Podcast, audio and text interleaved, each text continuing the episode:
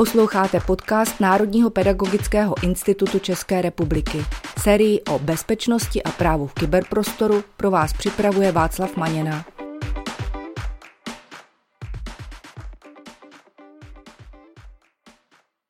Vítám vás u dnešního dílu na téma digitální detox a wellbeing pro učitele a rodiče, který jsme pro vás připravili s Pavlem Matějčkem. Pavle, vítej. Zdravím tě Václavé a zdravím i vás, naše posluchače. Krásný den. Jak už zaznělo v úvodu, dnešní díl je určený hlavně rodičům, učitelům, ale vlastně všem dospělým, protože každý z nás používá digitální technologie. A určitě se dotkneme i problematiky digitálních technologií v rukou dětí.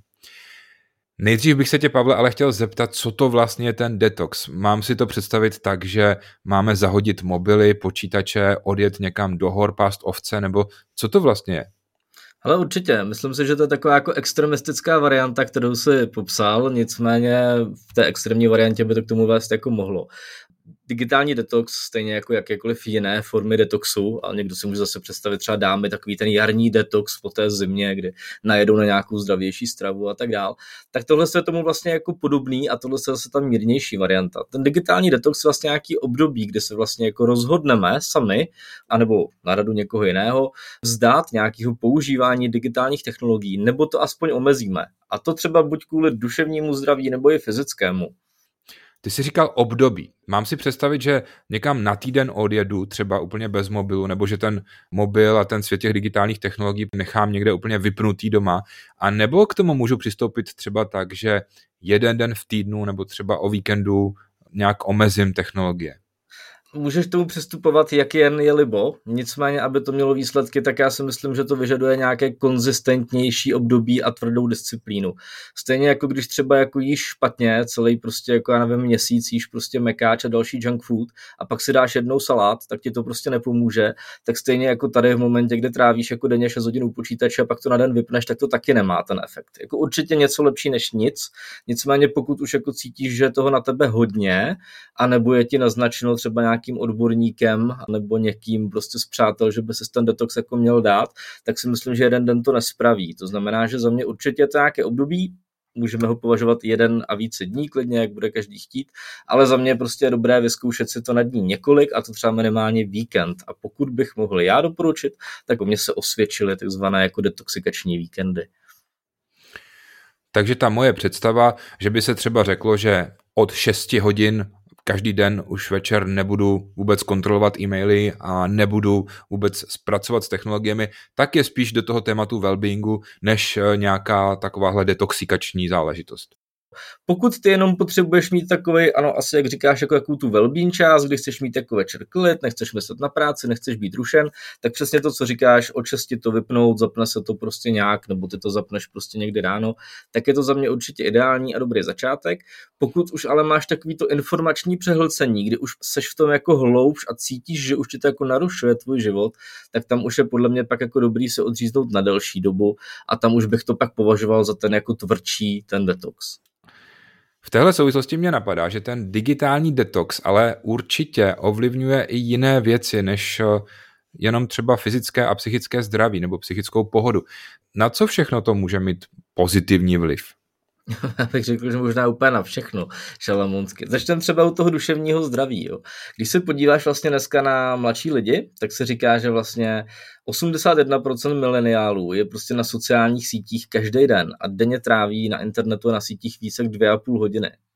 Eh, já se třeba do té kategorie mileniálů spadám a když si to tak vezmeš, tak i spousta lidí starších než já díky práci tam tráví jako stejný čas nebo i více, i když jsou jako starší, takže to není problém jenom nás mladších.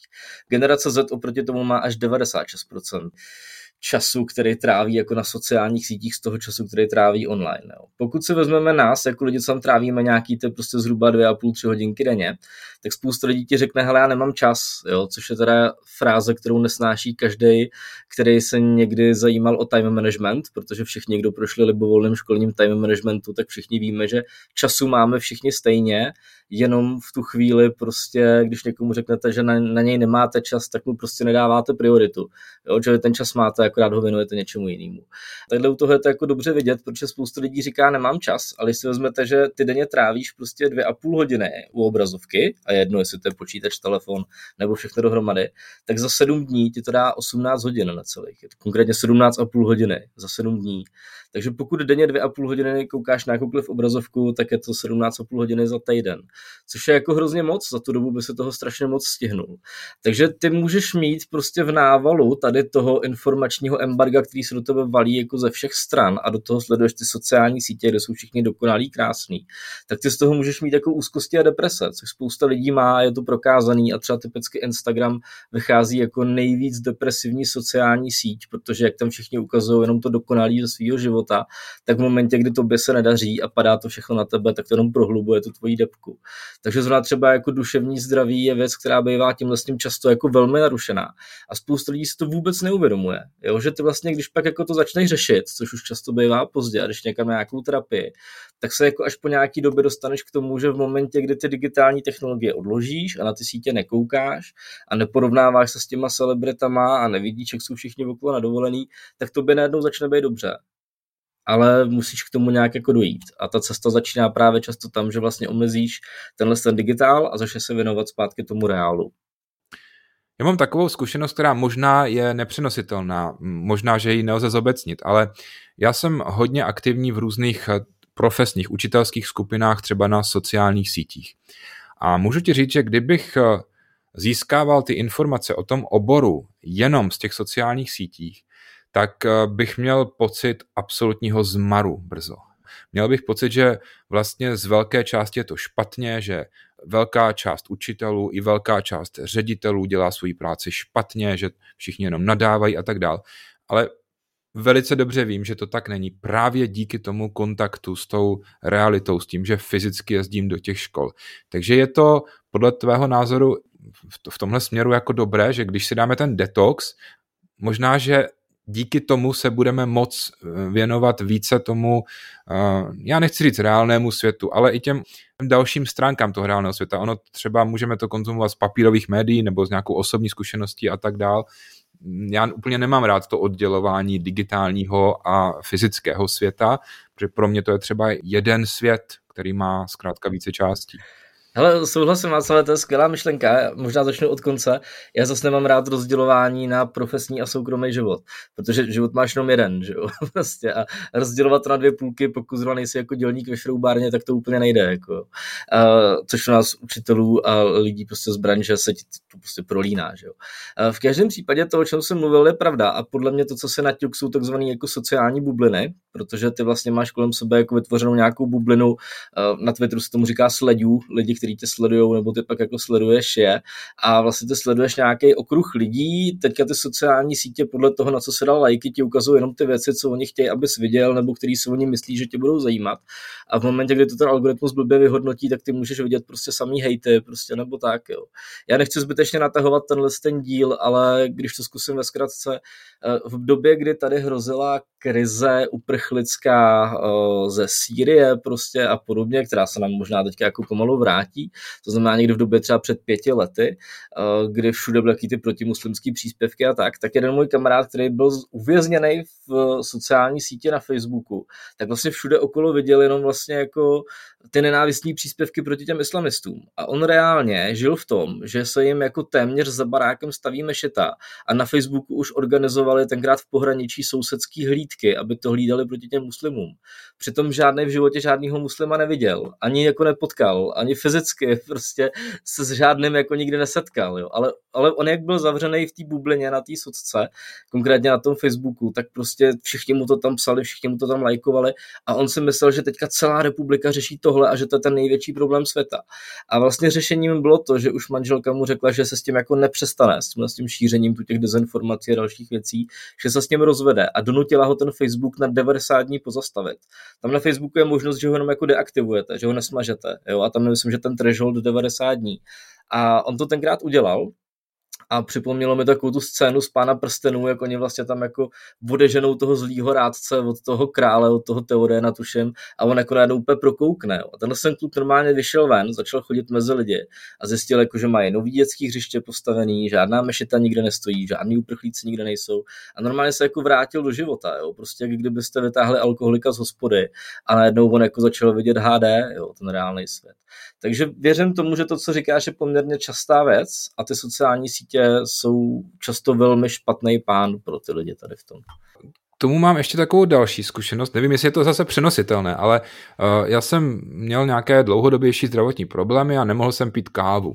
A když jsem po měsíci se dal první šálek kávy, tak mě přišla taková úplně úžasně hořká. Ta, ta chuť mě připadala taková intenzivní a měl jsem pocit, jako že se mi tou abstinencí zostřily smysly. A není to podobně i v tom digitálním světě, že když třeba se tomu nevěnuješ tak často, tak že se ti třeba nějak zostří vnímání těch informací, nebo je to úplně mimo, moje poznámka. No, já si myslím, že to mimo určitě není. Já si myslím, že v momentě, kdy ty sociální sítě využíváš střídmě jenom jako nástroj a ovládáš ty je a ne oni tebe, tak na to máš určitě racionálnější pohled a myslím si, že pak je třeba jako mnohem líp reaguješ v komentářích třeba na některé věci. To prostě vidíš, že lidi, kteří jsou jako na Twitteru hodně dnes a denně, tak jsou prostě strašně jako toxický, ironický, pokládají na konci zásadně otevřené otázky, které ti jako mají navést na tu jedinou odpověď podle nich správnou a tak dál. A to je prostě špatně. Pak vidíš lidi, co tam přijdou jednou za čas, ty tam všechny pochválí, jo, dají všem jako nějakou konstruktivní zpětnou vazbu a zase jako odejdou. A vlastně žádný dlouhý hejty a flamey, takový ty jako prostě plamený diskuze se tam jako nekonají, což je vlastně jako dobře.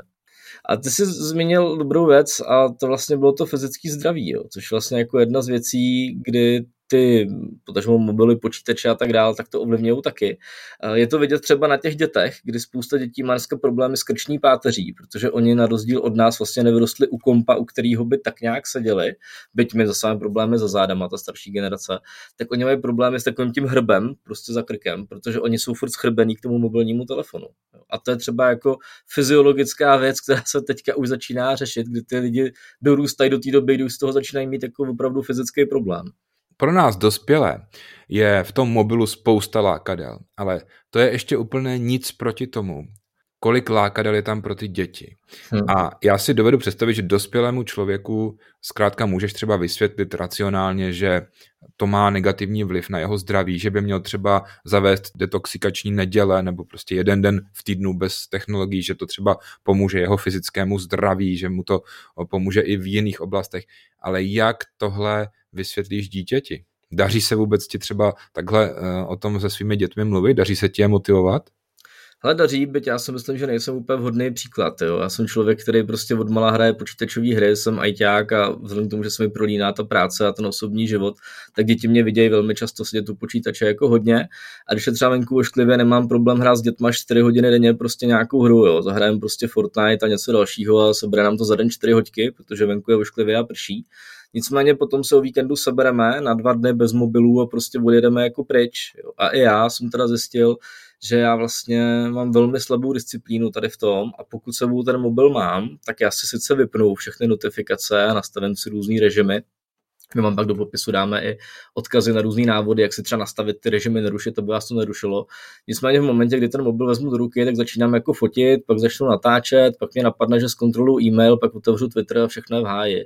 Takže já jsem myslel, že moje disciplína je slabá, snažím se na tom pracovat, protože mi to úplně nejde, tak jsem si koupil tlačítkový telefon a na tyhle ty víkendy, kdy chci trávit nějaký kvalitní čas s rodinou, tak jezdím jako vyloženě s tlačítkovým telefonem jenom pro ty emergency případy, že by se něco jako dělo. A někdo mi musel zavolat a najednou zjistíte, že vám reálně jako nikdo nevolá, protože všichni jsou zvyklí vás jenom otravovat přes e-mail, Facebook, WhatsApp a další jako komunikátory. Takže pokud se něco reálně děje a někdo vám volá, tak už se něco děje a tam je v pohodě být na telefonu, ale s tou hloupou Nokia, která internet vůbec nemá, nic nevymyslíte a to je jediné, co mě vlastně zachraňuje tady v tom. Zmínil si různé pomocníky, jako je třeba na mobilu ten režim nerušit. Co taková rodičovská kontrola? Já jsem nedávno měl někde jako nějakou přednášku s rodičema o bezpečnosti dětí na netu a tak a, a hnedka na úvod jsem se ptal, říkám jako dobrý den a kdo jste přišel pro to, abyste se dozvěděl, jak nastavit ty rodičovské kontroly a teď jako třetina lidí zvedla ruku. Říkám, tak přesně o tom to dneska vůbec nebude. Jo? To jestli chcete, tady máte odkaz ke mně na blog a klidně můžete jít domů, tam se to všechno dozvíte, máte to tam všechno sesumírovaný i s videem a podle toho se ho nastavte a je hotovo. Tohle je prosím vás často jako mýtus. Jo? Jako rodičovská kontrola je super nástroj, který vám pomůže hlídat nějaký čas toho dítěte u té obrazovky. I to dítě samo pak má jako díky tomu nějaký přehled, kolik tam strávilo a tak. Ale je to jenom jako pomocník. Jo? Za mě důležitý je všechno to předtím a to je taková ta jako psychologie a ten zdravý kontakt. A to, že to tomu dítěti vysvětlíte a dojdete k nějakému koncenzu, kdy si vlastně řeknete, hele, je potřeba trávit čas online i offline. Teďka vy to tomu dítěti musíte dobře odkomunikovat, to je to, o čem jsem mluvil předtím, to je na tom jako to nejtěžší. Vysvětlit mu, hele, jako není dobrý prostě být jako 4 hodiny denně na TikToku, prostě protože proto. Teďka si musíte ne něco vymyslet, ale musíte to mít něčem podložený. Já jsem tě minule ty děti jako na férovku vystrašil. Existuje super knížka, která se jmenuje 4000 týdnů od Olivera Backermana a ta knížka je vlastně o tom, že pokud se dožijete 80 let, tak váš život trvá 4000 týdnů. Jo. A když se na to uděláte, přímo na netu je i vlastně webová aplikace, nebo si můžete udělat Excelovou tabulku, kde když si dáte vlastně jako ten počet těch týdnů nebo měsíců, ať je to menší, prostě, tak vlastně uvidíte, kolik už máte odčito, kolik vám zbývá. Z toho, co vám zbývá, si odečtete třetinu, protože tu prospíte vidíte, co vám zbývá jako prožít. Tak i ty děti vidí, že už mají jako odžito kus a že jim toho reálného času tolik jako nezbývá. U nás v České republice se o smrti moc jako nemluví, ale těm dětem jsem říkal, hele děti, jaká si myslíte, že je šance na to, že umřete? Tak oni koukají a pak dojdou k tomu, že to je vlastně 100%, jo? že prostě to není jako jestli, ale jenom jako kdy, což je teda věc, o který se ve školách typicky jako nikdy nemluví, což podle mě teda jako špatně, že jo. A člověk by měl jako vědět, že jeho život je konečný, má jenom určitý množství času, dost často do toho může vstoupit náhoda, takže ho máš reálně jako míň a proto není dobrý ten svůj čas jako jen tak vyhazovat prostě prokrastinováním na sockách. Jo. A tohle, když těm dětem jako reálně řeknete a ukážete a konfrontujete s tím, nějakou klidně i řekněme jako inteligentnější cestou, než jsem teďka jako popsal, znamená více citlivě prostě, tak je to podle mě základ, protože na základě teprve tohodle s ním můžete vést nějaký dialog o tom, jako opravdu tam děláš něco, co tě jako posouvá dál a rozvíjí tě, nebo tam jenom zabíjíš čas. Já bych k tomu ještě dodal, že my často zapomínáme na to, že ty děti se učí nápodobou a že my bychom jim měli být příkladem. To znamená, já můžu mu říkat horem dolem, že by neměl být na TikToku, ale když budu každých pět minut kontrolovat firemní e-mail, hmm. tak to asi nebude úplně nejlepší. U večeře nejlíp, že jo. To si to předtím říkal jako zavést si čas od časti offline, jo? myslím, že jsi to tak jako říkal. To je za mě jako základ. Jo? Hele, fakt, jak říkáš, ty děti jsou jak houby prostě a učí se to od nás. Jo? Uh, já jsem nedávno někde v jedné jako velké firmě prostě potkal tatínka, strašně jako inteligentní, no, inteligent, jako, jo, inteligentní člověk na vysoké pozici, spíš tak jsem to chtěl říct. A on mi říká, hele, poraďte mi teda, jak, co mám dělat s tím svým dítětem, když ono se mi jako nenají, když neběží televize. Říkám, jak se vám jako nenají? No ono prostě, když vypnu televize, jak to dítě prostě nejí. Prostě nesní tu večeři, ponípe se v tom sní tři špagety a konec.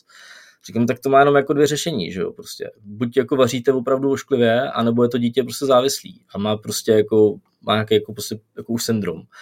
On jako, jako jak syndrom? No jak jsme to jako rozebírali a zase, když to zkrátím, třeba to nemáme teďka hodinu, tak jsme dospěli k tomu, že i ten tatínek jí jenom u počítače a i jeho tatínek jedl jenom u televize. A to dítě už je vlastně třetí generace v řadě, který je zvyklý jíst jenom u televize. A v momentě, kdy mu to prostě jako vypnete, tak to je jako kdybyste těm Pavlovovou psům prostě jako vypli žárovku. Jo. Posloucháte podcast Národního pedagogického institutu. S Pavlem Matějčkem si dnes povídáme o digitálním detoxu a o tom, jak žít svůj život v rovnováze s technologiemi. Pavle, jestli jsem to povídání zatím poslouchal dobře, tak mně z toho vychází, že právě ten well-being je ohledání jakési rovnováhy. Že ten detox eh, je tedy něco, co nám pomůže nějakým způsobem si třeba uvědomit, eh, jak se nám žije bez těch technologií a nějak se zlepšit, třeba v dalších oblastech, ale ne každý pořád eh, může být offline, ne každý se obejde na týden bez technologií, takže jestli chápu dobře, tak ten well-being je spíš o tom hledat nějakou rovnováhu životní s těmi technologiemi. Když bych to řekl jako velmi jednoduše jedním slovem, tak to well-being, no to je jako hrozně komplexní pojem, jo, ale za mě je to prostě jako být v pohodě, když to opravdu jako hodně shrnu. A být v pohodě znamená taková ta jako buddhistická, zenová, prostě jsem v klidu, jsem vyrovnaný, jsem srovnaný sám za sebou, za světem kolem, nic mě prostě nerozhází, protože to mám v hlavě i v sobě jako srovnaný a všechno je tak, jak má být, jo. A to je jako strašně těžký tohle z toho docílit. A ten digitální detox je prostě jako jenom jedna z cest, který nám k tomu můžou pomoct. Jo. Ten wellbeing je prostě jako velký téma, jsou to dvě různý témata, asi jsme to možná měli říct jako na začátku, že ten digitální detox je opravdu jenom jako jedna z cest, která nám k té duševní pohodě může pomoct. Protože podle mě se spousta lidí jako neuvědomuje, že spousta jejich problémů pramení z toho, že jsou moc online a že jim to moc času. Takže ano, wellbeing je takový to, že jsi v klidu, takový ten zen a ten detox je vlastně jenom jeden z nástrojů. Máš pravdu, že to téma je velice široké. Já bych našim posluchačům doporučil výborný rozhovor s paní Lábusovou. Odkaz zase najdete v popisu podcastu. Mně se moc líbilo to tvé zjednodušení, že zkrátka wellbeing je o tom eh, hlavně být v pohodě, být nějak v rovnováze s těmi technologiemi a že ten detox je vlastně jedna z cest třeba, které nám k tomu mohou pomoci. Protože já se přiznám, že já jsem měl takový trošičku odtažitý vztah k tomuhle tomu pojmu a bral jsem to jako něco takového jakoby vysoce filozofického a tohleto, co tady říkáš, tak eh, se mi strašně líbí a je to takové jako jednoduše uchopitelné. Co jsem třeba udělal já, když jsem dostal chytré hodinky, tak eh, první věc, kterou jsem vypnul, tak byly notifikace na těch hodinkách a odinstaloval jsem, nebo jsem ani neinstaloval e-mail. Ono ani tak nejde o to si to odinstalovat, ale nemít pocit, že když tam ten e-mail nemám, takže jako o něco důležitého přicházím a že bych ho tam vlastně měl mít, že bych se neměl cítit nějak provinile, když prostě nekontroluji mail na hodinkách to je prostě něčím, že už jsi vlastně jako nakažený něčím, čemu se říká FOMO. Jo. To je syndrom FOMO, neboli Fear of Missing Out a to je strach z toho, že prostě o něco přijde, že tě něco uteče. A to máme v sobě prostě už jako všichni jako zakořeněný od té doby, co máme ty mobily, protože ty seš vlastně jako teďka vycepovaný a vycvičený z práce a od zákazníků, podnikatelé a freelanceri to mají podle mě úplně nejvíc, kdy prostě ty se bojíš jenom toho, že někde u zákazníka se něco děje a každá vlastně zpráva, která ti pípne, v tobě automaticky vyvolává takový ten pudový strach, že se něco děje. A ty to musíš zkontrolovat, aby se vlastně jako uklidnil. Ale už v tobě je vlastně vyvolaný takový to ten stres, už se v tobě jako prostě noří. Takže jakmile něco pípá, tak ty už se jenom podvědomě jako děsíš, co to zase je. A nebo v momentě, kdy seš jako publisher a dáváš někde nějaký fotky na Instač, tak ty zase jako tam chodíš kvůli tomu, že čekáš jako tu dopaminovou reakci, hele, dostal jsem nějaký lajky, někdo mě virtuálně plácá po zádech, že jsem dobrý. Jo. Teďka jde o to, co jako vyhledáváš, jo, nebo co tě jako víc prostě pálí. A v obojí je vlastně jako blbě a jediný, co ti s tím pomůže, tak je opak toho FOMO. A to je, že se jako toho vědomě zbavíš. Vyloženě je to fakt jako práce s závislostí, protože to závislost prostě je. A říká se tomu JOMO, jako Joy of Missing Out, že máš jako radost z toho, že jsi offline. A mě třeba trvalo dlouho, než jsem k tomu dospěl. A vyloženě teďka prostě mám nastavený jako notifikace tak, že o víkendu je nevidím a lidem prostě to automaticky přijde SMS, ale ozvěte se mi až po víkendu, trávím čas s rodinou. Jo. A jestli jako hoří, no tak zavolejte hasiče prostě. Já jsem si třeba teď úplně užíval, když jsem chvilku vůbec eh, třeba nebyl na těch sociálních sítích, kolik mě uteklo těch kaus v úvozovkách a že se vůbec nic nestalo. To mě třeba hrozně uklidňuje. Uklidňuje mi to i třeba v takové té profesní rovině, jo? že třeba já se hodně zabývám teďka umělou inteligencí a tam zkrátka člověk, když by měl eh, si udržovat přehled, tak si myslím, že by musel 24 hodin denně neustále všechno sledovat. Že zkrátka tam je opravdu dobré si připustit, jo, nejde to všechno stíhat, nemůžu.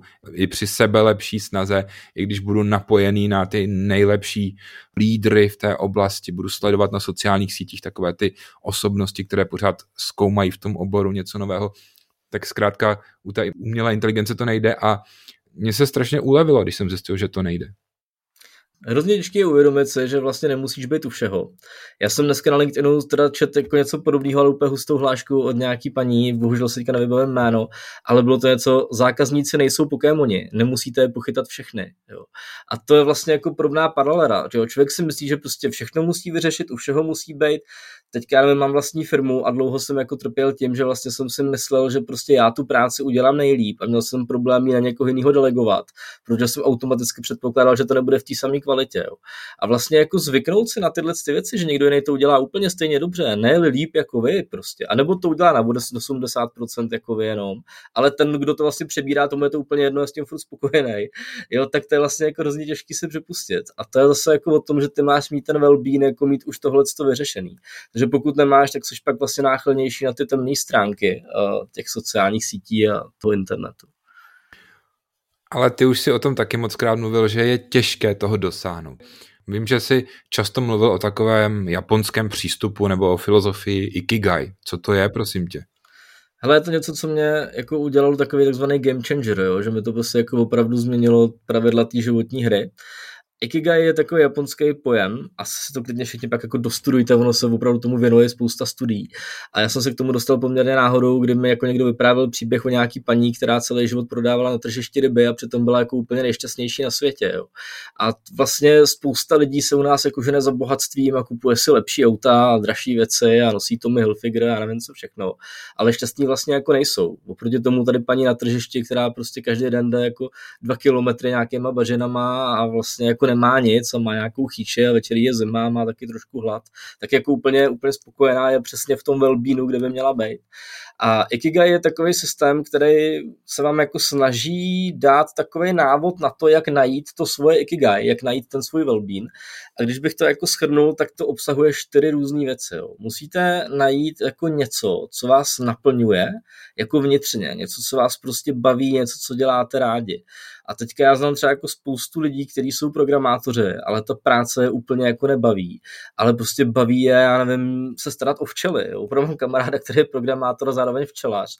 A vyloženě mi říká, hele, jak kdybych mohl, já se to všechno vykašlu a jsem jenom s těma včelama. Tam já mám ten svůj klid a tam jsem šťastný. Třeba se k tomu jednou posune, až to své ikigai najde. Druhá věc, kromě toho, že máte něco, co milujete, tak je to i něco, v čem jste vlastně jako dobrý. Jo, že vy musíte mít pocit, že vám to jako jde, že se vám to daří prostě. A to vám zase jako ubere kus toho stresu, takže vy víte, že děláte něco, co vás bá a zároveň jste v tom jako profi, je to něco, v čem jste jako lepší než ostatní. A pokud je to zároveň, a to je třetí věc, i něco, co svět potřebuje, protože svět potřebuje i včely, svět potřebuje i čerstvé ryby a tak dál, tak vy vlastně naplňujete tu svoji sociální potřebu vlastně jako dávat něco světu. Já mám třeba takový zadosti učinění při školeních. Podle mě každý učitel tohle to zná, že ty těm dětem něco předáváš, vidíš, že to na ně má pozitivní vliv a to ti dává tu zpětnou vazbu, že ta práce, kterou děláš, má smysl. Což třeba spousta kancelářských lidí nemá, protože tam jenom vyplňuješ Excelové tabulky a ten pocit, jako, že to má nějaký hlubší smysl, tam jako chybí často. Já jsem rád, že jsi začal mluvit o těch učitelích, protože jakmile jsi mluvil o tom principu Ikigai, tak mě napadlo, že to je vlastně popis uh, stavu, který zažívá mnoho učitelů.